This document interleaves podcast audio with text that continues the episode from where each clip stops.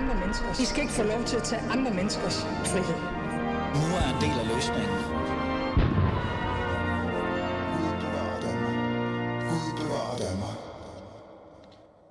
Ja, velkommen ja, til. Velkommen Gud Danmark som altid.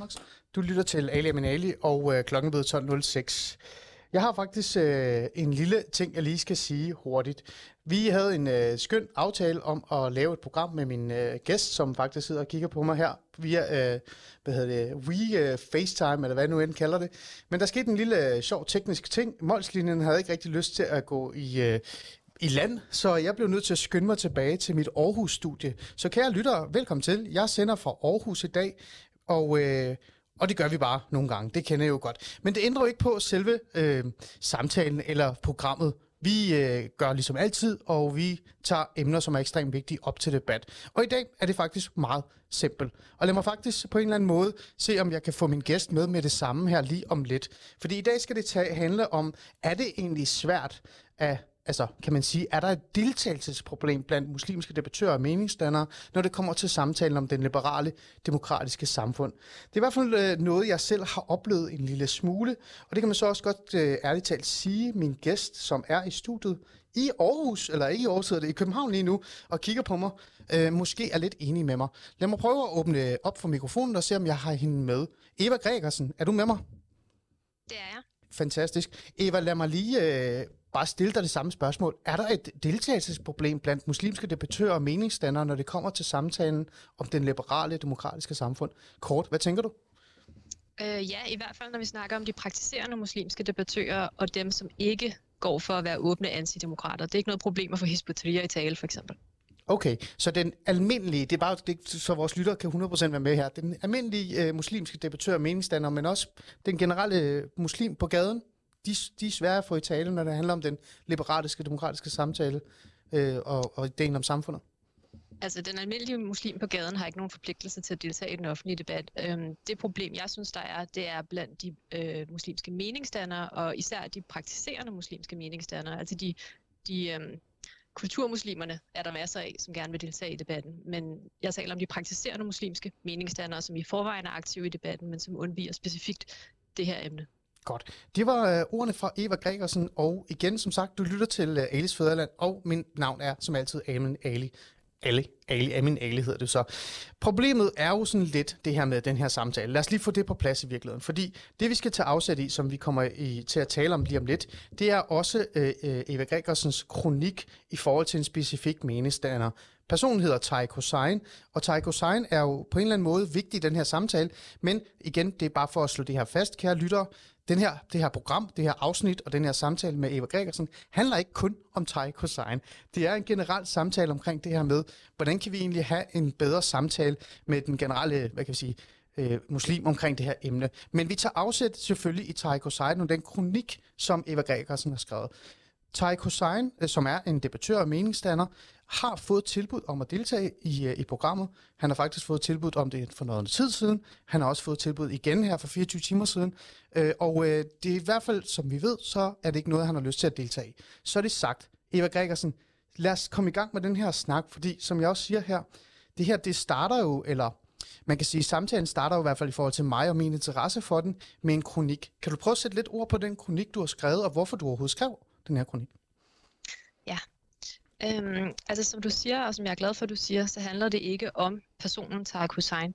Øhm, grunden til, at jeg har valgt at skrive en kronik, der handler om en person, øh, det er fordi, at øh, jeg interesserer mig for øh, kompatibiliteten mellem det islam og det liberale demokrati, og for at tage de diskussioner. Øhm, Undskyld, jeg bliver lige hyldet ud af den, Ali, fordi jeg kan se, at du, øh, du taler med din producer. Nej, så lad, lad være med at kigge på det. Lad være med at kigge på det. lad være med at kigge på dig. Øhm, øh, ja, så jeg er interesseret i den generelle debat, øh, og det er min oplevelse, at øh, øh, Tarek, han har været ude øh, med en central påstand i debatten, øh, om at han er i stand til at forene islam med det liberale demokrati. Øh, og når man har prøvet at diskutere det mere generelt, så har folk meget ofte henvist til, jamen Tarik Hussein kan jo finde ud af det. Mm. Øhm, så der er ikke noget problem der. Mm. Øh, og, og så, altså på den måde har hans person ligesom fungeret som en bremseklods i debatten, hvor, eller, altså han, han er blevet tillagt en meget stor vægt i kraft af, at han påstår, at han kan få en af de her to ting, og det ikke er noget problem for ham. Øhm, og jeg mener så, at det er en påstand, som er ekstraordinær, øh, og som jeg derfor skriver i kronikken, kommer med en bevisbyrde. Og det er en bevisbyrde, som Taiko Sein mangler at løfte, mm. fordi han aldrig er gået nærmere ind i præcis, hvordan han forener de to ting. Øhm, når man hører, at han som praktiserende muslim ikke har noget problem med at forene islam med det liberale demokrati, så er det naturligt at blive nysgerrig øh, og ønsker at få en nærmere forklaring på, hvordan han får de her to ting til at gå op i en højere enhed. Øhm, det er der både muslimer og ikke-muslimer, der ønsker. Øhm, og han er også blevet spurgt øh, nogle gange, øh, om ikke han vil forklare det nærmere. Øh, men gang på gang på gang har jeg set ham glide af på spørgsmålet, og ligesom skyde det til hjørne, eller komme med en eller anden undskyldning for, hvorfor lige i dag er det ikke i dag, at han vil tage den diskussion. Mm. Øhm, hvis vi ser på hans bog, øh, Det sorte skæg, som udkom på Gyldendal i 2018, øh, så skriver han, citat, jeg er derfor også pinligt bevidst om, at mange vil bladre i bogen i håb om at læse om sharia-lovgivning, kalifatet og de hellige tekster. I så fald vil I blive skuffet. De mm. diskussioner er både relevante og aktuelle, men jeg har i denne omgang overladt den debat til teologer og andre med større indsigt end jeg selv. Citat slut. Mm. Så det er sådan, han i sin bog skyder konflikten mellem islam og det liberale demokrati til hjørne. Mm. Øhm, der er også andre eksempler på det. Jeg har selv prøvet på et tidspunkt at kontakte ham for at spørge ind til, hvordan han forener øh, de her ting, men han var ikke interesseret i at gå i dialog med mig omkring det. Øhm, altså det har han decideret afvist. Okay. Øh, jeg har også set andre debattører øh, på, på Facebook øh, konfrontere ham og gå ham på klingen, øh, men hver gang glider han af. Øh, og nogle gange har han sagt til folk, at de skulle læse hans bog, og så ville han hjertens gerne tage dialogen med dem bagefter. Altså som om de ligesom skulle øh, udvise den seriøsitet at gøre den indsats at læse hans bog som en adgangsbillet til at gå i dialog med ham. Og når jeg har set det, så har det virkelig provokeret mig, fordi jeg har læst hans bog, og alligevel har han ikke ville tale med mig. Øh, så efter min bedste overbevisning er han ikke så åben over for at gå i, gå i dialog om det her emne, som han gerne vil give indtryk af. Og ja, det provokerer mig. Mm. Men det, der så har været udslagsgivende for, at jeg valgte at skrive kronikken, øhm, det har været hans fravær i den debat, jeg har haft siden mordet på Samuel Paty, som jeg ved, du også har beskæftiget dig meget med, Ali, ja. øh, om øh, voldsmandens nye veto mod Mohammed-tegninger i undervisningen. Øhm, og det er en debat, der har baseret af flere omgange øh, med tiltagende styrke, øh, særligt efter SF er gået ind i, øh, i debatten øh, her i efteråret, men vi har også haft den i foråret, og vi havde den sidste efterår, og der har været rigtig mange anledninger til ligesom at give sit besøg med, hvis man er en praktiserende muslim, som kan få de her ting til at gå op i en højere enhed, og så øhm, ja, altså ligesom kan, kan skabe en mere harmonisk sameksistens mellem muslimer og ikke-muslimer, mm. øh, ved at pege på, hvordan at der ikke behøver at være en konflikt mellem islams holdning til blasfemi og så øh, det liberale sekulært tis holdning til blasfemi. Okay. Så det ville være meget velkomment og meget naturligt set fra mit perspektiv, hvis man i hans sted valgte at gå ind i debatten, men det har han så ikke gjort. Øhm, og øh, det er jo ikke, fordi han er forpligtet til noget, øhm, men jeg forstår det simpelthen ikke. Nej. Øhm, jeg, jeg forstår ikke, hvorfor han ikke har lyst til at byde ind og dele ud af sin indsigt. Øhm, og ja... Øhm, det blev du nysgerrig på. Er det det, du prøver at sige? Ja, det bliver ja. jeg nysgerrig på. Godt. Øh, øhm. Og som sagt, jeg synes også, det er vigtigt at, at ligesom adressere argumentet med, jamen Taiko Hussein kan få det til at fungere, så der er ikke noget problem. En gang for alle at ligesom sige, okay, jamen, så må vi spørge ham, hvordan. Og hvis, hvis han ikke ligesom vil, vil deltage i den debat, jamen, så må vi tage debatten, uden at det ligesom bliver et argument, der fungerer som en bremseklods. Godt så er det på plads. Og, og det var nemlig, øh, synes jeg, var meget vigtigt at, at, at på en eller anden måde sætte ord på det. Du fik lov til at sætte ord på det, men når vi også et eller andet sted sat rammerne for, for lytterne, men også over for Taiko Sein for den sags skyld, at, at man ikke står tilbage med sådan en følelse af, at det her program handler om Taiko Sein. Det gør det ikke. Med al respekt, øh, så meget øh, betyder Taiko Sein heller ikke, hvis du spørger mig. Det er en eller anden snak overhovedet. Men, øh, men, men det er bare meget godt at få det på plads. Og igen, øh, det er jo fint, det er jo din holdning, og det er en nysgerrighed, og det skal vi dvæle på. Men jeg vil også gerne høre jer lyttere og jeres holdning og jeres tanker omkring det her. Altså er det virkelig rigtigt, at der er et deltagelsesprogram blandt muslimske debattører og meningsdatter, når det kommer til samtalen om det liberale demokratiske samfund? Og det er det spørgsmål, jeg gerne vil have, I skal forhold til at forholde jer til ikke øh, noget andet. Send en sms til 92 45 99 45, 92 45 99 45, eller gå ind på vores Facebook-side Alice Fæderland, og skriv din mening eller din spørgsmål til mig eller Eva, og så tager vi det op. Og når jeg siger ikke noget andet, så er det fordi, jeg i bund og grund er sådan lidt, hvis du skriver en sms, hvor der står, islam er forfærdeligt, det er fint, tillykke med det, men det er ikke det, vores samtale handler om i dag. Vi, det, du er meget velkommen i studiet og forklare mig, hvorfor du synes, islam er forfærdeligt en anden dag, hvis det er det, det handler om. Vi tager øh, afsæt i noget andet. Eva Gregersen, du øh, er jo, jeg har jo ikke engang rigtig introduceret dig nu, lad mig lige gøre det også ordentligt. Ikke? Du er et partipolitisk uafhængig bekymret borger, som kun repræsenterer dig selv. Når man lytter, eller når man lytter til dig, og det du siger nu, øh, i forhold til øh, for eksempel Taiko Sein, din kronik også, men også bare generelt, så handler det øh, om, at du er både øh, frustreret, irriteret, men også nysgerrig i forhold til den her idé om, at man som muslim godt kan bo og leve i et øh, liberalt, demokratisk samfund. Er det ikke det, kernen er øh, i virkeligheden i din bekymring, eller din undren, eller din nysgerrighed? Øhm, jo, altså jeg vil gerne værne om det liberale demokrati. Øh, jeg bliver bekymret, når jeg hører øh, tankegods udbrede sig, som lader til at være i konflikt med det liberale demokrati. Mm, mm. Øhm, især når det kommer fra et voksende mindretal, og det er et voksende mindretal, vi har i Danmark øh, med muslimerne. Øhm, og det synes jeg er værd at slå ned på. Det vil jeg også. Altså jeg har også, øhm, jeg, jeg synes også det er værd at slå ned på antidemokratisk tankegods fra andre grupperinger. Det er ikke sådan, at det kun er muslimer. Altså det, jeg, jeg synes det er vigtigt uanset hvem det er. Men jeg har så valgt at beskæftige mig med, med konflikten mellem islam og det liberale demokrati. Okay. Øhm, den her øh, hvad hedder det, den her mangel af repræsentation. Nu har du taget afsæt i Taiko Sein, og det har du jo også med god grund, for det skal man jo også give respekt for, fordi at Taiko Sein var jo en af de reelt første, vil jeg mene, øh, meget åben øh, i forhold til, at han er øh, trone, som var ude i den offentlige debat og deltog i den offentlige øh, samtale omkring alt muligt forskelligt i virkeligheden også. Nu tager du afsæt i, i ham, men ser du det, øh, bare så vores lytter 100% kan være med, ser du det som en generel tendens af, af meningsdannere og for eksempel også trosamfund for den sags skyld og andre, at, at de gerne vil deltage i den offentlige debat, de vil gerne øh, fortælle om, hvordan man kan se hvad kan vi sige, øh, øh fælles ståsteder, men så når man så stiller nogle af de her spørgsmål i forhold til de steder, som man måske godt kunne være lidt usikker på, om man har et fælles ståsted, for eksempel LGBT-rettigheder, øh, ligestilling øh, osv. osv., at øh, der, der har de ikke lyst til at deltage. Der mangler de at, at reelt set at give svar. Er det sådan en generel ting?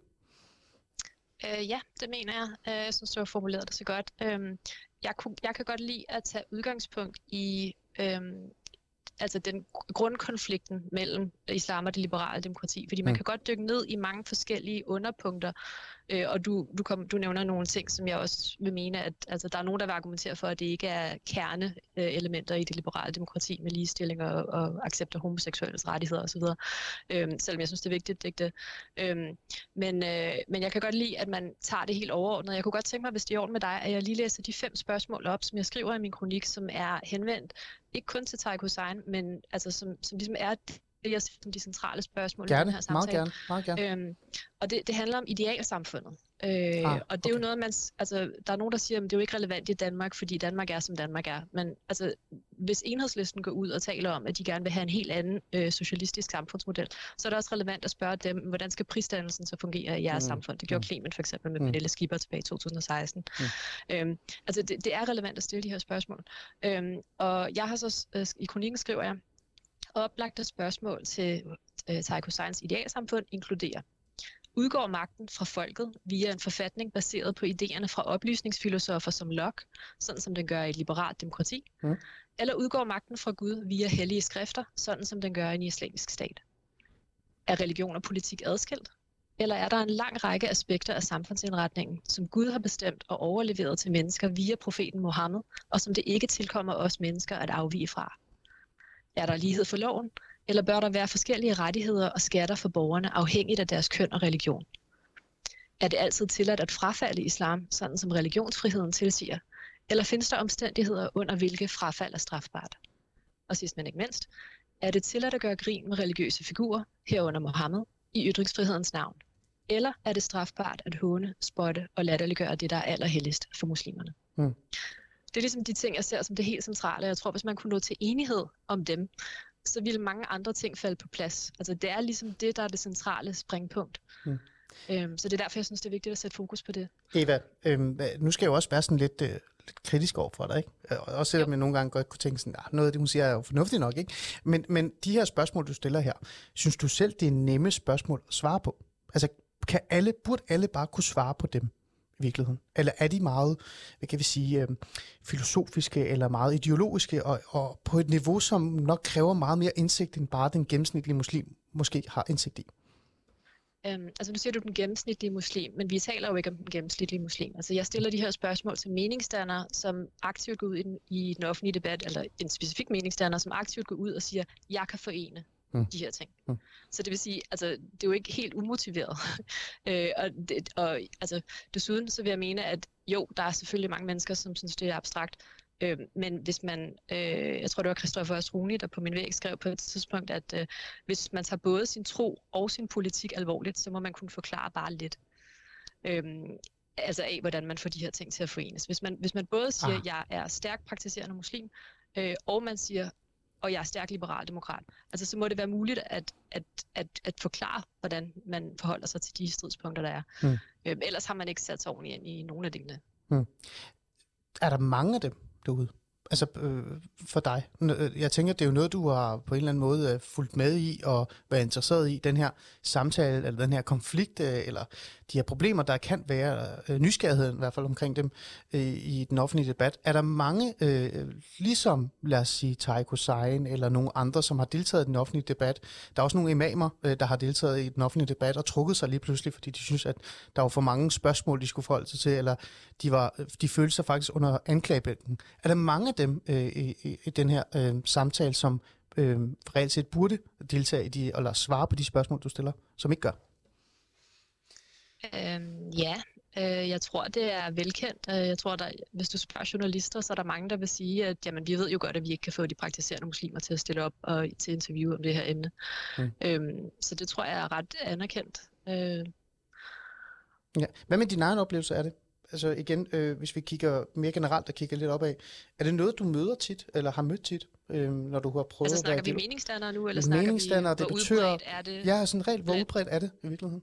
Tænker øh, Jamen, altså, jeg, jeg synes, det er meget svært at, at sætte tal på, øh, hvor udbredt er bestemte holdninger, eller hvor udbredt er en uvilje til at tale om det her, eller mm, mm. En, en, en vanskelighed ved at forene de her ting. Øh, noget, jeg synes, at man skal være opmærksom på, det er, at jeg tror, at der er rigtig mange muslimer, der er tavse i den offentlige debat, øh, som måske i virkeligheden godt kan se, øh, at der er nogle stridspunkter her, og som måske godt kan se, at det nok ikke er så smart med en islamisk stat. Det er måske smartere med demokrati. Mm. Øhm, men som ikke siger så meget. Mm. Øh, så der er sådan et stort mørketal af øh, potentielle liberale demokrater, eller hvad man skal sige, ja. øhm, som, som ikke byder ind. Og det synes jeg er et problem, og dem vil jeg gerne opfordre til at byde mere ind i debatten. Mm. Øhm, vi bliver nødt til at, sådan at være lidt nysgerrige omkring, hvorfor os i virkeligheden. Ikke? Fordi det, også, det kommer jo også øh, naturligt i den her samtale, for jeg deler jo faktisk din, din, hvad kan vi sige, din analyse, eller din, øh, det du i hvert fald har lagt mærke til. Jeg, jeg har rigtig svært ved at få øh, troende øh, muslimer, eller debattører for den sags skyld, meningsdannere, eller to samfund til at deltage i nogle samtaler omkring nogle af de her ting. Og hvis jeg har, så er det altid sådan en, der kommer altid sådan en form for, det er ikke lige derfor, vi er i studiet, eller det kan vi ikke lige tale om lige nu, eller det er der nogle andre, der skal forholde sig til end os. Øhm, så derfor så, så, så er jeg jo enig med dig. Men det er bare sådan er nysgerrig omkring, Eva, det er sådan det her med, om de her spørgsmål, kan de, øh, som du stiller, som jeg synes er relevante, men kan de også komme med en, en form for meget anklagende øh, tilgang, som gør, at øh, man måske kan trække sig tilbage, og så kan man pege på sådan en som dig, Eva Gregers, men også måske som mig, på en som mig med, med min baggrund også, at, øh, at man i virkeligheden kommer med en anklage, og derfor så gider man ikke at forsvare sig, fordi man reelt set går i forsvarsposition. Kan der være noget om det? Altså, det, det er der jo mange, der vil sige. Øhm, og jeg synes, at øh, for hvis man læser min kronik, øh, så synes jeg, at jeg gør det ret klart, at jeg er nysgerrig og undersøgende, og jeg siger, hvad jeg tænker på baggrund af, at jeg virkelig har nærlæst, øh, hvad Taiko Sein specifikt har skrevet. Øhm, så det, det er en nysgerrighed, og altså, hvis man vil stille op i den offentlige debat og fremture med nogle bombastiske budskaber igen og igen, altså, så må man også kunne tåle, at der er nogle folk, der bliver nysgerrige og måske er lidt skeptiske og stiller nogle kritiske spørgsmål, uden at man bliver fornærmet. Mm. Mm. Det giver god mening for mig. Jeg prøver bare sådan at se, om man, om man på en eller anden sted også kan møde lidt den her form for, øh, I anklager mig for noget, derfor vil jeg ikke deltage i den offentlige debat. Øh, fordi det er jo ikke noget nyt, det er der også mange andre, der reelt set øh, gør øh, i virkeligheden, det der med, at så vil jeg ikke være med. Øh, og, og som sagt, som vi også talte om før, det har jo været svært for mig også at få nogen til at deltage øh, i en samtale med mig, øh, i hvert fald i radioen og andre steder også, når det kommer til de her øh, emner. Øh, Eva, øh, lad mig spørge dig et andet spørgsmål, som er sådan lidt igen, som om at jeg sidder her og er kritisk over for dig. Det er jeg ikke. Jeg er også bare lidt nysgerrig, også for vores lyttere. Øhm, er det fordi, de bare er for svære? Altså er det for svært at svare på sådan et spørgsmål? Øhm, fordi man sådan et eller andet sted føler lidt, at det, det, man ruder sig ud i noget, hvor man kan ende galt et eller andet sted. Enten få sin baggrund, altså det, altså det er ikke baggrund, hvad hedder det, det er sin øh, bagland efter sig, eller man kan komme til at sige noget, som gør, at majoritetssamfundet udstøder en. Øh, så som for eksempel det her med LGBT-rettigheder. Ja, jamen, altså jeg kan godt uh, sætte mig ind i, at uh, det må være vanskeligt netop, at, at de årsager, du er inde på. Um, men jeg har det sådan lidt, altså det skal være upopulært at have antidemokratisk tankegods. Uh, mm. det, det, det må gerne være sådan, at man får lidt sved på panden ved tanken om, at det faktisk er sådan noget, man går ind for, og man ikke kan forsvare det. Uh, altså det, sådan skal det være. Det skal ikke være noget, man, man er stolt af, eller noget, man synes er nemt. Uh, altså så er vi virkelig på spanden. Okay. Øh, det, det giver mening, det giver mening. En af de ting, jeg altid har uh, øh, undret mig lidt over, Eva, nu siger jeg det også lidt højt til dig også, og til vores lyttere, det er det her med, at man ikke, hvorfor kan man ikke være stolt af det? Altså, øh, det, har, det har altid undret mig lidt, øh, fordi at det er jo ikke noget nyt. Øh, vi kender jo den her samtale, den her debat omkring liberale samfundsværdier osv., eller i hvert fald dem, vi kalder liberale samfundsværdier. Fordi ligesom du selv sagde, der er jo noget af det, som men vi lader som om det er liberale samfundsværdier, men det behøver det jo ikke at være. Altså, der er også nogen, der kalder hele Vogue-bevægelsen liberal samfundsværdier. Ikke? Jeg er ikke 100% sikker der. Men, men øh, kan der være noget om det her med, at den her øh, samtale er sådan meget normal, men man ikke bare har vendt sig til det. Vi har den for eksempel, lad mig komme med et eksempel, blandt konservativ, øh, borgerlige øh, hvad hedder det, samfundsdebattører. Der er jo også uenighed omkring mange forskellige emner, ikke? Øh, men der er man sådan ærlig omkring, hvad det er, og så koste det, hvad det vil. Blandt øh, kristne er der jo også, der er jo nogle øh, kristne hvad hedder det, øhm, præster, der siger, at de vil ikke vi homoseksuelle for eksempel, at det vil ikke give hånd til kvinder og så videre, og de gør det, og så har det en konsekvens. Øhm, men kan det være, at det er fordi, at det bare ikke er normalt? Altså det er noget nyt, at, at, at, at når man kommer fra et, et land, fra Mellemøsten eller et muslimsk land, og man kommer til Danmark, at man skal nærmest det, det er sådan lidt øh, frækt sagt det her, Eva, men man skal måske lære den demokratiske eller samtale at kende, før man tør springe ud i den. Kan der være noget om det også? Øh, ja, men jeg synes, du lidt er ude i øh, de lavere forventningers racisme ja, det ved her. jeg godt. Taler, det ved jeg godt. vi taler ja. om folk, der er født og opvokset i Danmark og går i skole her og har haft alle muligheder for at følge med i medierne osv., altså, så må man også have en forventning om, at folk ligesom, øh, altså, altså, så er de heller ikke dummere. Nej, men jeg bliver jo nødt til det, ikke? Altså, fordi det er, jo, det er jo nogle af de ting, der bliver fremlagt som begrundelsen for, at man nogle gange ikke får de her svar. Ved du hvad, lad det ligge. Jeg synes, jeg har været sådan lidt kritisk nok i forhold til, hvorfor du har den her værdi og den her holdning. Jeg er jo lidt mere øh, nysgerrig i, i hvad, hvad det er, du sådan reelt set øh, altså et eller andet sted vil have ud af det. Fordi der er, der er jeg også lidt øh, nysgerrig. Øhm, du siger det her med, at øh, du er interesseret i konflikten. Øhm, vil du blive tilfreds? Altså vil du blive glad, hvis der var en, der kom ud i morgen og sagde, nu vil jeg gerne svare på Eva Gregersens spørgsmål. Nu skal du høre her, bum, bum, bum, bum, bum. Og det er overhovedet ikke foren, øh, forenligt med et liberalt demokratisk samfund. Vil du så blive tilfreds med den her ærlige svar?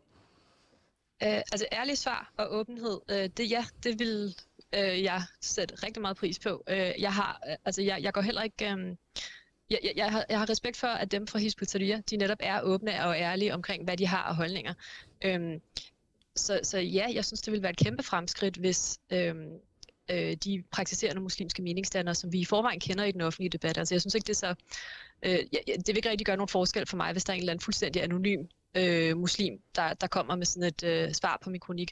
Men, men de meningsdannere, vi har, synes jeg øh, bør, altså det ville glæde mig, hvis de gik ud og sagde, okay, det her, det er mit svar. Magten kommer fra Gud, religion og politik, øh, det, skal, det skal hænge sammen, mm. og øh, vi skal følge profet Mohammeds øh, øh, forbillede, og lige så snart, øh, altså hvis vi havde magt, som vi har agt, så ville vi vælge at, øh, at gå over til et samfund baseret på islamiske forskrifter. Altså hvis folk bekender kulør, Altså, så, så kan meningerne jo brydes i den offentlige debat. Så kan folk komme med argumenter for, hvorfor det liberale demokrati er bedre osv., og så må det bedste argument vinde. Mm. Men når der er nogen, der putter med deres holdninger, hvis det er det, de gør, eller, eller bare fravælger debatten, altså, så, så, så det er en form for demokratisk... Øh, jeg vil ikke kalde det sabotage, fordi der er ikke nogen enkelt individer, jeg mener er forpligtet til at gå ind i det her, men når man har det her kæmpe fravær af praktiserende muslimer, der vil udtale sig, altså så dør debatten der, og det er et problem.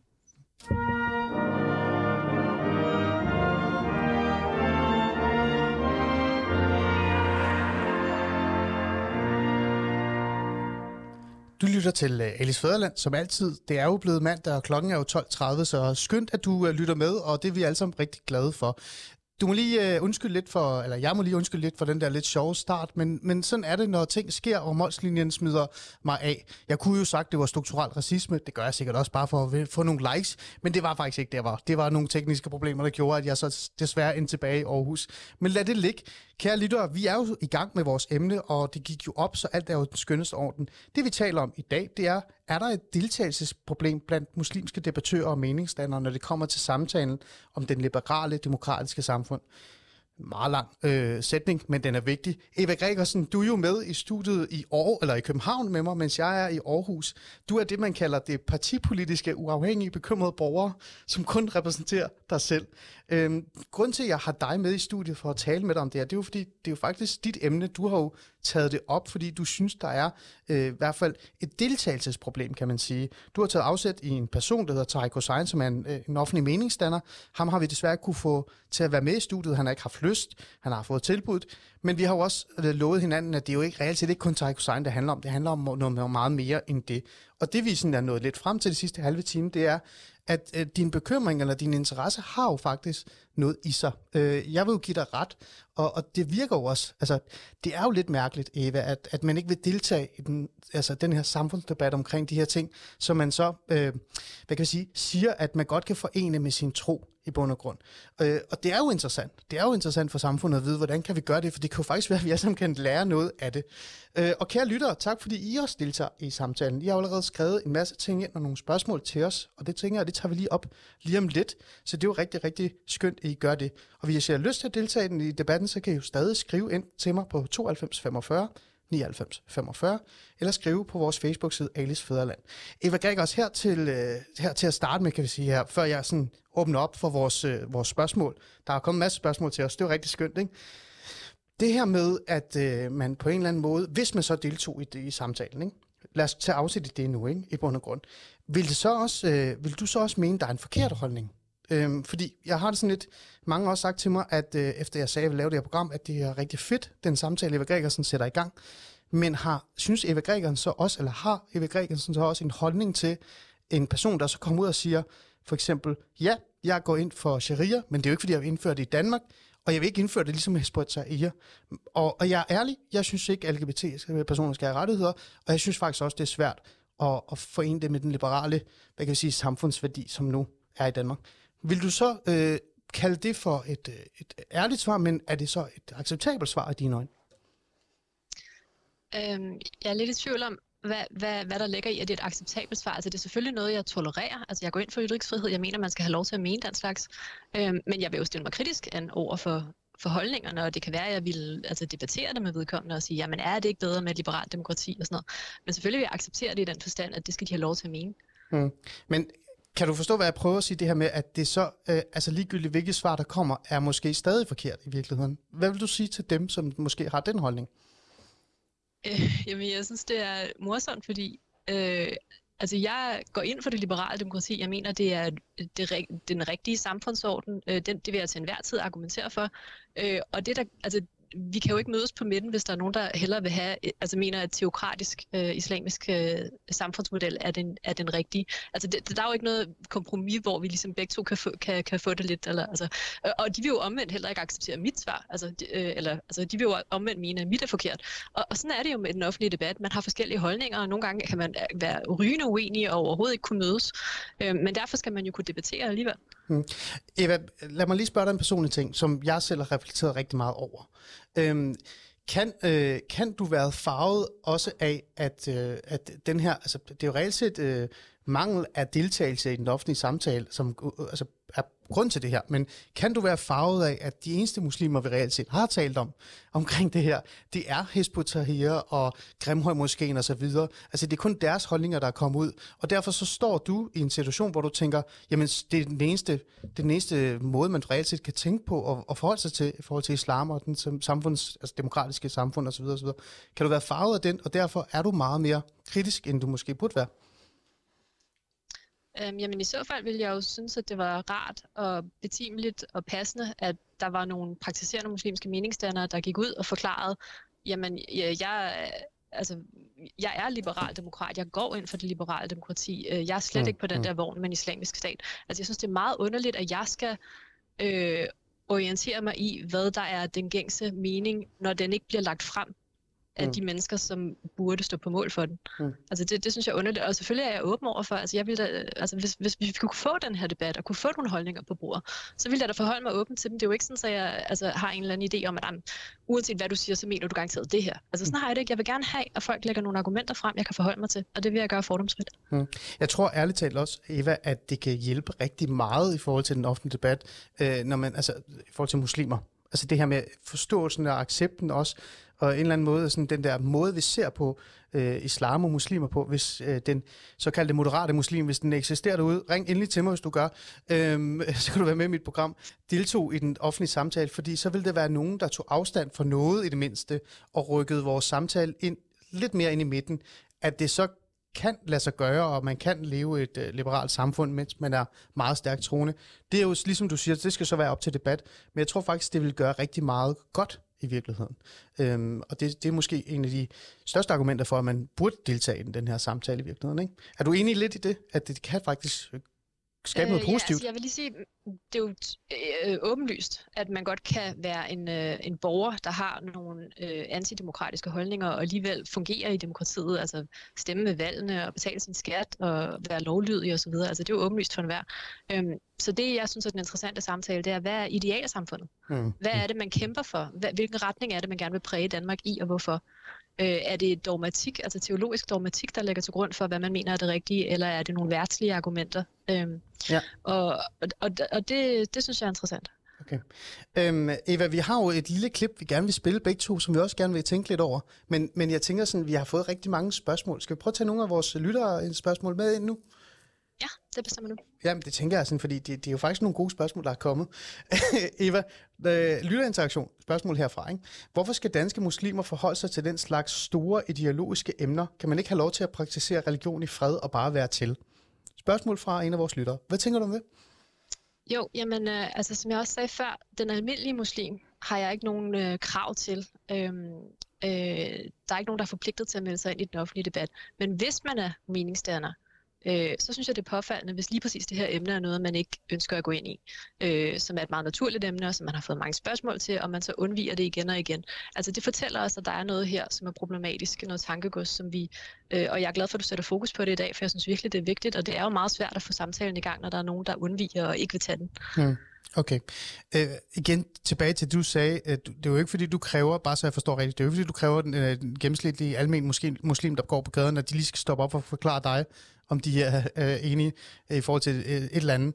Det er mere de her, øh, der deltager i den offentlige debat, dem som reelt set stiller sig et sted, hvor de har noget magt og har noget indflydelse og, og har en stemme. Det er dem, du gerne vil have i dialog, ikke? Jo. Godt. Øh, Eva, erkender du, at danske muslimer i flertal er liberale? Jeg ved ikke, om hvorfor vi skal erkende det, men, men øhm, der er jo noget om det. Jeg har jo været ude at sige, at mange af, i hvert fald folk med minoritetsetnisk baggrund, der kommer fra MENAP-lande eller muslimske lande, øh, eller Mellemøsten, de er jo meget glade for lavere skat, og de er meget glade for familieværdi osv. osv. Der er jo noget borgerligt og liberalt i det. Øhm, er der noget om, at de er det, men de bare ikke tør at indrømme det? Øhm, jeg ved ikke, om du tænker liberale i betydningen lavere skat, eller om du tænker øh, gode liberaldemokrater, eller hvad kommer Jeg tænker bare alt sammen. Det er fordi, hver gang jeg tænker liberalt, så tænker jeg, at vi skal have mindre i skat. Jeg synes, det er det eneste liberale taler om, Eva Gregersen, men det er måske en anden samtale. Ja, den kan vi tage en anden gang. Øhm, øh, altså, jeg, jeg kender ikke til, hvad jeg synes er en rigtig god empirisk undersøgelse af øh, hold, øh, danske muslimers holdninger til det her. Mm. Øh, jeg vil nødig være for bombastisk i forhold til at udtale mig om, hvordan jeg tror, øh, holdningerne fordeler sig. Det er meget vigtigt for mig at understrege, at jeg taler om praktiserende muslimer. Mm. Øh, altså det er der, mit fokus er. Dem, der altså, drikker alkohol og har opgivet alt med at bede og betale zakat og øh, Taler du om partymuslimer nu, Altså, det, det, det, Gregersen? det er ikke så meget dem, jeg interesserer mig for. Var det partymuslimer, du lige forklarede der? Det var en beskrivelse af os. Dit ord er ikke mit. Jeg tror, jeg skriver det ned, for jeg, jeg har let meget efter, hvad er egentlig partymuslim. Jeg tror, jeg fik det der. Øhm, det er fint. Øh, hvor bygger du dine holdninger på? Er det bare synsninger, Eva Gregersen? Hvad, hvad, hvad? Jeg har, fulgt, jeg har fulgt debatten i overvis. Øhm, jeg har også interesseret mig for at tale med muslimer. Øhm, så altså, jeg synes, det, det er ikke sådan, at jeg bare er øh, totalt fordomsfuld. Jeg synes, jeg har gjort mit forarbejde. Hmm. Okay. Der er en, der har skrevet øh, bare sådan en kommentar, men det er også et spørgsmål til dig, Eva. Hej Ali, jeg vil gerne spørge Eva om, hvordan hun vil støtte op om muslimer som mig. Jeg er muslim, jeg er tilhænger af den liberale demokrati, jeg tror på ytringsfrihed, jeg tror på ægteskaber mellem muslimer for eksempel, øh, og kristne og ateister, og på respekt for seksuelle minoriteter. Men jeg er træt, fordi jeg føler mig mistænkeliggjort som en ikke-demokratisk medborger. Hvad vil Eva Gregersen må gøre ved det? Anser hun mig for at være lige så dansk og demokratisk som hende selv? Hvad tænker du? Øh, nu ved jeg ikke, hvem det er, der spørger. Øh, Jamen, jeg har ikke fået et navn. Nogle gange så får vi desværre anonyme spørgsmål. Sådan er det. Okay, ja. Øhm, altså, men med udgangspunkt i, at det her sandsynligvis er en person, jeg aldrig har hørt om før. Øhm, altså, så vil jeg sige, at hvis man... Jeg, jeg har sympati for, at hvis man går rundt og føler, okay, jeg er praktiserende muslim, øh, og jeg er liberal demokrat, og jeg kan godt forene de ting, mm. øh, at man så øh, synes, at det er noget, der mangler i debatten. Men der vil jeg så sige, jamen der er det også bare fordi, at der ikke er nogen meningsdannere, der kombinerer de holdninger, som tager ordet i den offentlige debat og taler om, hvordan det kan lade sig gøre. Øh, og det er det, vi mangler. Så jeg vil opfordre folk til at øh, organisere sig. Altså, øh, jeg ved, Nasser Carter prøvede øh, tilbage i 2006 eller sådan noget, at lave en organisation, der hed Demokratiske Muslimer, og det kom ingen vejen. Øh, og så kan folk så sige, okay, men det var fordi, de ikke kunne lide specifikt Nasser Carter, men der er jo heller ikke kommet et alternativ. Altså, der er jo ikke kommet en... Øh, øh, liberaldemokratiske muslimer forening, øh, som vi kan pege på og sige, okay, den har 50.000 medlemmer, og det er en vigtig stemme i den offentlige debat, og der er nogle repræsentanter, der går ud og forsvarer, hvordan de to ting kan forenes. Og sådan. Mm. Altså, det er det, det, vi mangler. Mm. Øhm, og det kan den enkelte muslim ikke stille til regnskab for, men jeg tror bare, at det bliver op ad bakke for den slags muslimer, så længe de ikke bliver repræsenteret i den offentlige debat, one mm. way or the other. Ja. Øh, der er jo noget interessant i det her også i virkeligheden, ikke? og jeg får lyst til at stille dig det her spørgsmål, fordi så vidt jeg også kender dig, Eva, så, øh, så, så, så vidt jeg ved i hvert fald, så er du også i kontakt med minoritetsetniske borgere, som har muslimsk baggrund. Det, det er ikke fordi, du bare sidder der og har en idé om det, så det, du, har, du har noget research, du har noget viden, du har folk, du faktisk også har talt med omkring det her. Tror du, den her samtale omkring det her med at kunne eksistere i et liberalt samfund, også øh, altså, at eksisterer den måske i skjult, altså du ved, øh, i baglandet, øh, og ikke i det offentlige rum. Findes den der, tror du? Um, Øh, nej, øh, altså nu, det ved jeg jo af god grund ikke. Altså øh, enhver forsamling, hvor jeg er til stede, det vil jo ikke være en lukket forsamling bag lukkede døre. Hvis din påstand er, at den for, finder sted der, så kan jeg jo per definition ikke vide, om den foregår.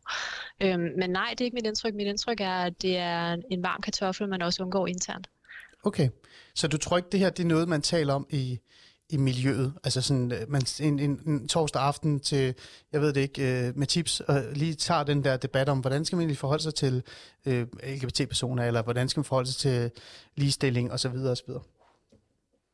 Øhm, Altså, jeg vil, jeg vil nødig spekulere i, hvad der foregår. Jeg er ret sikker på, at der foregår en debat om debatten, så at sige. Altså, hvordan for mm. eksempel, hvis mm. man kommer ind i dit studie, Ali, så, kan du, så skal der nok være nogen, der gør sig nogle overvejelser om, hvordan man skal forklare, forsvare på dine spørgsmål. Ikke? Øhm, ja, jo, men jeg ja, tror ikke, der... Jeg, jeg, ved, jeg ved det ikke. Jeg vil ikke spekulere om, hvad der foregår bag lukkede dør. Det kan jeg have det er færdigt. Jeg kan fortælle dig, at øh, hvis folk de, stiller op i mit program og deltager og, og taler helt normalt med mig, og ligesom man gør her, øh, efterfølgende bliver mødt øh, af i hvert fald en debat om, hvorfor de overhovedet deltog i programmet, fordi uh, han er jo forfærdelig ham Ali. Men, men det er der sikkert mange, der synes, det skal der også være plads til. Eva. Nej, der er ingen, der synes, du er forfærdelig. Åh oh, ja, så så. Nu skal du ikke ødelægge det. Eva Gregersen, øh, du får lige noget med her. Eva Gregersens spørgsmål er helt centralt og ikke spor svært at svare på for enhver, der har en holdning til deres tro og deres samfund. Muslimske debattørers uvillighed til at besvare dem er en realitet i det klareste svar, hun kan få. Det er umuligt at forene islam med et liberalt demokrati. Det er Aya Fogh, der har skrevet det. Det er jo også en bombastisk øh, og meget sådan sort-hvid holdning. Øh, deler du den? Øhm, altså jeg synes, det er muslimer, der skal definere, hvad der er muligt og hvad der ikke er muligt. Øhm, mm. Og så synes jeg, de skal forklare sig i det omfang, de mener, det er muligt. Jeg synes ikke, det er nok, at man bare siger, det, det kan jeg godt for en. Og så hvis der er nogen, der stiller øh, opklarende spørgsmål, så, så bliver man meget fornærmet og synes ikke, at det behøver man svare på.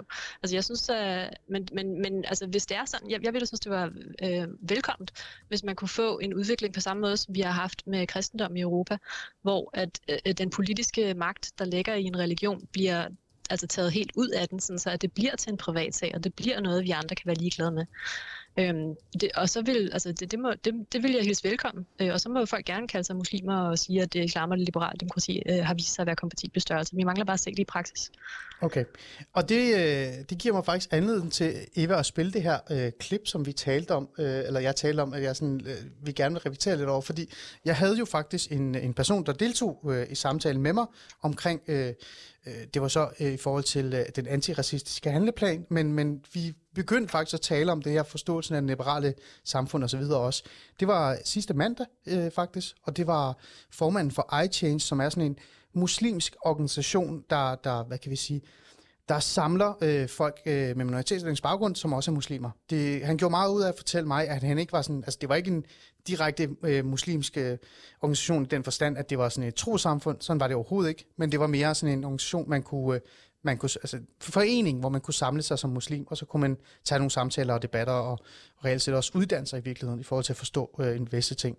Øhm, Eva, lad mig spille det, det klip, og så tænker jeg, at øh, det, det giver faktisk en god anledning til at lige at snakke lidt videre omkring det, vi er i gang med at snakke om nu. Skal jeg ikke lige gøre det? En af de ting, der sådan brænder sig virkelig fast i mig, øh, det var, da jeg mødte en 14-årig, 15-årig pige, som, øh, mm. som mødte op til noget øh, vejledning. Og mens vi sad og snakkede, så lagde jeg mærke til, at hun havde en, en ring på sin finger.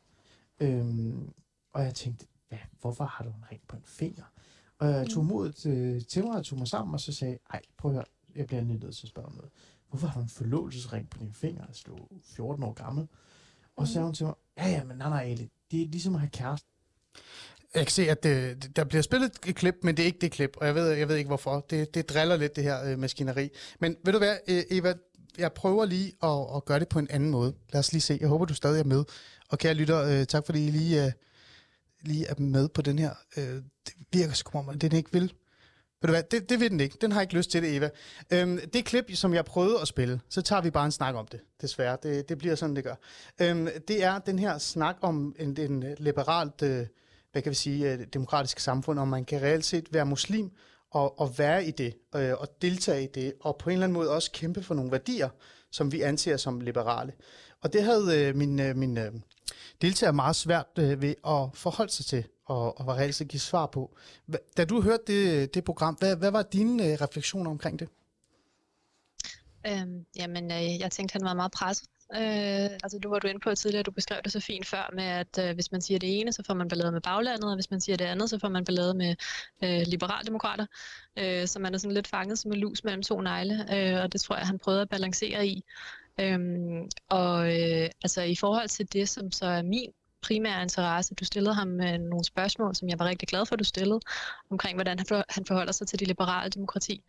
Øhm, og der lagde jeg mærke til, at øh, han, han sagde, Øh, og det skal han have, altså det skal jeg nævne, at han sagde, øh, nu har jeg ikke lige en udskrift foran mig, men, men han sagde, sådan som jeg husker det, at han gik ind for det libera- øh, ikke for det liberale demokrati, undskyld, han går ind for demokratiet, han går ind for dansk lovgivning, eller sådan noget i den stil. Ja, men så spurgte, du så, så spurgte du så, okay, men, men er det ligesom det liberale demokrati, der er din ideale samfundsmodel? Og der oplevede jeg det, som om han blev meget ulden i munden og støttede sig til nogle talking points, som var urelaterede. Og, altså, så, så jeg, jeg kunne godt tænke mig, øh, hvis jeg skulle øh, øh, godtage ham som en god liberal demokrat, der kan få de to ting, øh, at få en lidt grundigere forklaring på, hvordan han egentlig forholder sig til stridspunkterne. Han kunne jo meget passende starte med at svare på spørgsmålene i min kronik. Hmm. Jamen, det er jo nærmest, man skulle sende den der opfordring videre i virkeligheden ikke? Til, til ham.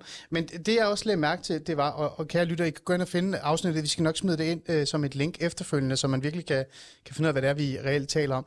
Men, men det, der var interessant, det var, at der var en, øh, en, øh, en person fra, altså en formand øh, fra en organisation, en øh, muslimsk organisation, kan man sige, fordi det var jo muslimer, der primært er medlem af den, som var i studiet for at fortælle mig omkring, at de gerne vil bidrage til den antiracistiske hvad, øh, hvad hedder det, kampagne.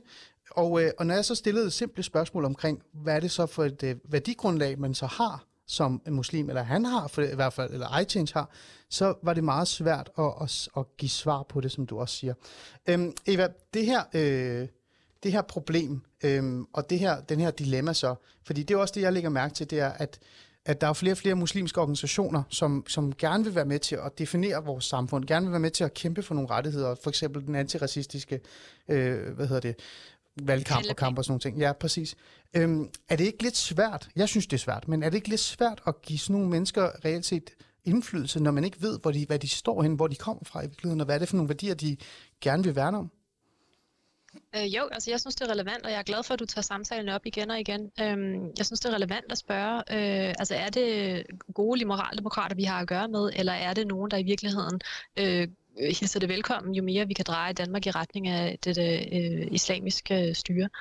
Øhm, det, det synes jeg er en relevant samtale at tage op, og det synes jeg da bestemt også er noget, politikerne skal forholde sig til, hvis de inviterer folk med ind til, til at have indflydelse på sådan noget her. Hmm, godt.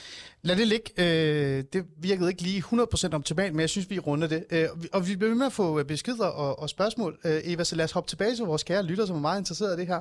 Øh, hej Eva. Eva nævnte tidligere, at hun havde læst meget af Tarik Hussein har skrevet. Kan hun nævne noget i Tariks tekster eller virke, som er i strid med demokratiske eller liberale idealer? Venlig hilsen, Steffen. Øh, nej, det kan jeg ikke. Øh, og det skyldes, at øh, fra et liberalt-demokratisk perspektiv, så er det undladelsessynder, han begår. Altså det er emner, han vælger ikke at, at berøre. Det er altså ah. ting, vi har haft op at vende i debatten, som han vælger ikke at handholde. Øh, hvor vi siger, okay, jamen, hvis du godt kan forene det her, øh, de her ting, hvorfor kommer du så ikke ind i de her vigtige debatter og forklare, hvordan du forholder dig, fordi det tror jeg vil være meget øh, velgørende for, for mange, øh, og der vil være mange unge muslimer sikkert, der lyttede og orienterede sig efter, hvad han havde at sige. Mm. Øhm, så det er, det, ja, det er min kritik af ham, at der er ting, han vælger ikke at fortælle os. Mm. Ikke at der er ting, han aktivt skriver, som er i modstrid med demokratiet. Så svaret på det øh, spørgsmål er jo faktisk, at øh, det er svært at svare på, fordi han netop ikke taler om de ting. Han undgår at tale om øh, de ting, der kan være i strid, eller kan, der kan være en konflikt. Ja, lige præcis. Okay. Øhm, du får lige det her. Det er ikke svært at svare på dine spørgsmål, Annie. Tak for det. Alle synes, det er mega nemt at svare på mit spørgsmål. Det er lakmusprøven på, om man er ægte demokrat. Øh, det har vi faktisk haft. Det er faktisk en anden, der minder om det samme. Lad mig lige læse det op, fordi det er jo vores lytter. Det er ikke svært at svare på dine spørgsmål, Emil. Det er et laksusprøve på, om man er ægte demokrat eller ej. Den er ikke meget længere. Bedste hilsener, Kit, medlem af Tryghedsfrihedsselskabets bestyrelse. Kit, tak for det. En fornøjelse. Øh, Karen Vest på Facebook står der her. Ja, det er et problem, at fremtiderne, såvel som ikke fremtidende muslimer, har uendelig svært ved at svare klart på spørgsmålet. Går du ind for de frie, ligestillede og sekulære demokrati, og til enhver tid vælger det over jeres Guds lov og regler, går I ind for juridisk, økonomisk, social og seksuel kønsligestilling. Ofte spørger man for overhovedet at spørge, hvis de svarer, er det oftest helt umuligt at tolke. Spørgsmålet kan svares med et ja eller nej. De her spørgsmål, altså det her med, går du ind for fri, øh, ligestillet sekulær demokrati, øh, går du ind for juridisk, økonomisk, social og seksuel kønsligestilling, er de så nemme at svare på, som Karen Vest lægger op til? Altså bare et ja eller nej? Øh, ja, det, det må være mit korte svar. Er det det? Er det virkelig det, Karen? Altså, helt ærligt, Eva. Synes du det? Jeg skal bare lige... Øh, jamen, altså, jeg synes, det er svært at svare på, for jeg kan godt sætte mig ind i, hvordan det må være at have et ben i to lejre og vide, at man bliver upopulær, uanset hvordan man svarer. Jeg kan også godt sætte mig ind i, hvordan det må være simpelthen at være uafklaret. Ah. Altså at, at ikke helt vide, hvordan man skal få ind de to ting, og, og ønske, at det kunne lade sig gøre, men ikke vide, hvordan. Og, Altså, så, så på den måde kan jeg godt forstå, at det kan være svært at svare på, men, men jeg vil mene, at hvis man er liberal demokrat, så burde det være nemt at sige ja. Okay, det, der har du en point. øhm, Jon Erik Lundberg har skrevet noget, som jeg synes også er vigtigt at lige læse op. Det er i princippet det vestlige debattør selv, der har skabt den her konflikt. Det er dig, Eva. Øh, det gør de ved at adoptere et billede af praktiserende muslimer fra jihadisternes propaganda. Sociale entreprenører på begge sider af linjen udtaler sig på vegne af milliarder af mennesker, som den nærmeste ting i verden, uden den nemmeste ting i verden, uden en eneste person har givet dem en mandat til det. Vestlige medier foretrækker ekstremister som talspersoner for de religiøse, og de religiøse selv har hverken stemme eller ansigt. Ingen ved, hvem de er, hvilket er naturligt, da de slet ikke eksisterer. Hvad synes du om den udtalelse af Jon? Øh, der var ikke noget spørgsmål til mig, var der? Nej, men hvad, hvad synes du om det her med, at det er princippet de vestlige debattører, der selv har skabt den her konflikt, og at vi måske, øh, medierne, jeg vil ikke sige vi, i hvert fald ikke mig, synes jeg selv, er med til at skabe den her os og dem, og den her øh, grøftgravning, som så gør, at, at man i virkeligheden aldrig når at have den der debat eller den samtale, du efterspørger? Jamen, det synes jeg er forfejlet. Altså uanset hvordan man problematiserer for eksempel volden, Øhm, altså, nu er jeg meget aktiv i debatten om voldsmandens veto, uanset hvordan man, man går ind i den. Øh, altså, så er der nogen, der vil sige, at man er ekstremist, og man er ytringsfrihedsfundamentalist, og hvorfor kan man ikke bare gå på kompromis, og hvorfor kan man ikke bare... Altså, mm. øh, det kan man ikke rigtig komme udenom. Øhm. Okay. Så jeg, jeg mener ikke, at det er os, der taler om konflikten, der skaber konflikten, ja. eller bidrager til at holde den i live. Altså jeg mener, det er os, der prøver at tage tyren med hornene og øh, få en afklaring af nogle interessekonflikter, der er meget reelle, og som nok skal blive afklaret one way or the other. Hmm. Lad mig lige stille dig øh, et spørgsmål her til sidst, før vi sådan begynder at stille roligt og runde af. Øh, da jeg sagde, at, øh, eller da jeg skrev, at jeg skulle have dig i studiet, og vi ville forsøge at få nogle øh, debattører og meningsstander til også at være med i samtalen, og desværre var der ikke rigtig nogen. Øh, og jeg efterspurgte den her, hvor er de henne? Kan vi ikke finde nogen, eller vil I ikke være med, eller er der et problem? Så var der nogen, der faktisk foreslog et program, vi har på 24 nu kommer der lidt reklame, øh, det der hedder Det muslimer taler om. Øh, hvorfor inviterer I ikke bare dem ind? Og snakke med dem. Har du hørt det program, bare lige hurtigt, fordi det er også hårdt at lige kaste dig ind i den. Har du hørt det program? Ja, det har jeg. Øh, Eva Gregersen, øh, det er jo ikke fordi, jeg vil have, at du skal fortælle mig, hvad du synes om den, men, men det program, øh, det er jo faktisk et eksempel på øh, troende muslimer, der får taletid i virkeligheden. Øh, der er jo mange, der har kritiseret det program og sagt, nu sidder der nogle troende muslimer og gør dit og gør datten. Øh, og det, det er jo fint nok, hvis de synes det. Men er det her måske et, øh, et okay skridt frem? Det kan jo være, at de faktisk ender med at tale om de ting, du gerne vil have, at de skal tale om. Hvad synes du om den, øh, den, den tilgang? Jamen, øh, som du siger, altså, det kan jo være, at de ender med at tale om det, jeg synes øh, ville være interessant at høre dem tale om, og i så fald vil jeg hilse det velkommen. Øh, jeg kan sige, at de har haft emnet øh, med ytringsfrihed og Mohammed-tegningerne op at vende en gang. Mm. Jeg tror, det var i deres anden udsendelse. Øh, og der blev der talt om det ganske kort, øh, hvor at, åh, hvordan var det nu? Øh, Øh, der blev i hvert fald, jeg kan huske, at der var en, øh, en gæst, som kom for skade og sige, at hun godt kunne forstå ham, der havde myrdet Samuel Paty. Og så blev der lukket meget hurtigt ned for, for emnet. Ja. Øhm, og så øh, ja, på efterfølgende var der noget polemik på Facebook, øh, hvor øh, verden, øh, ja. øh, Elias Ramadan, Rama, Øh, han, ja, det, men, men det kan han, godt være. Men, hvis jeg lige må gøre det færdigt, han ja. sagde, at øh, det her det var kun begyndelsen på den samtale, og efterfølgende har jeg jo så ventet ah. på, at de ville tage den op igen, men det har de så ikke gjort. Nej, men, men mit spørgsmål, øh, som er sådan, øh, det, måske er vi begyndt at bevæge os hen imod, at der er nogen af de mindste, der begynder at tale om det. Her, muslimer Jamen, taler om det. det. Det er en meget positiv udvikling i det omfang, det sker. Jeg synes ikke helt, jeg ser det med programmet endnu, må jeg om. Nej, men, men sådan nogle tiltag, og, og muslimer, der reelt set begynder øh, at deltage i debatten, som måske gør det lidt forsigtigt, øh, om vi så er enige med dem eller ej, øh, det kan vi lægge til side. Er det noget, vi også skal være lidt mere åbne omkring? Fordi jeg har også lagt mærke til, at programmet er blevet kritiseret enormt meget, før det overhovedet kom i gang. Øh, og, og det vi to efterspørger, som du også efterspørger, det er jo, at der er reelt nogen, der har samtale med os andre omkring at være troende muslim. Så øh, kan man ikke også sige, at man skal give sådan noget plads i virkeligheden? For så kan det være, at det kommer. Jo, altså nu har jeg ikke selv været ude og fordømme programmet øh, eller noget sådan den stil. Jeg er bestemt åben over for at afvente øh, med spænding, om der kommer noget omkring, altså for eksempel det her med de fem spørgsmål fra min kronik, som jeg ville synes, det var fantastisk, hvis de adresserede i programmet.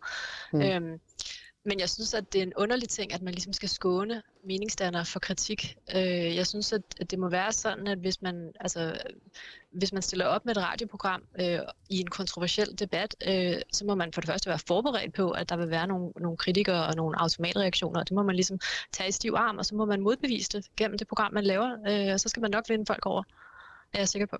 Okay. Godt. Eva Gregersen, vi er faktisk øh, nået mål. Øh, vi klarede det okay, selvom vi havde nogle øh, tekniske øh, problemer i virkeligheden. Øhm, bare lige øh, til jer lytter, tak fordi I øh, skrev ind og kom med jeres øh, meninger og jeres sms'er. Øh, det var rigtig godt, og jeg tænker også mig og Eva, vi fik i hvert fald øh, noget ud af det. Øh, vi fik i hvert fald noget, vi reelt skulle forholde os til. Eva, her til sidst, øh, har du håb om, at Taiko Hussein eller nogen andre på en eller anden måde øh, deltager, eller tror du, at øh, det ikke rigtig kommer til at ske? Jeg har ikke så meget håb for, at Taiko Hussein deltager. Det virker som om, han er meget stålsat på, at øh, han absolut vil ignorere alt, hvad jeg har at sige. Øh, så der bliver jeg nok øh, positivt overrasket, hvis det på et tidspunkt ændrer sig. Okay. Øh, men heldigvis er der jo også andre debattører, og må ikke det lykkes at få nogle af dem i tale på et tidspunkt. Og det vil du prøve at få uh, altså andre i tale? Øh, I hvert fald i det omfang, at der er nogen, der går ud og siger, at de godt kan få en af de to ting. Øh, der vil jeg da helt sikkert henvende mig og spørge, hvordan. Godt. Eva Gregersen, tak fordi du vil være med i dag, øh, og jeg lytter, tak fordi I var med og, og sendte sms'er og beskeder. Og Tarik Hussein, hvis du lytter med, du er altid velkommen i studiet i Alice Fæderland. Det kan være, at Eva Gregersen dukker op, øh, hvis du har lyst til det. Men ellers er du også meget velkommen til selv at komme, og måske hjælpe mig med at forstå nogle af de her ting. Det kan være, du kan svare, eller jeg er sikker på, at du kan svare på de her spørgsmål. Med de ord, så siger jeg bare en fornøjelse som altid. Josefine, tak fordi du hjalp mig med at få det hele til at komme op og køre.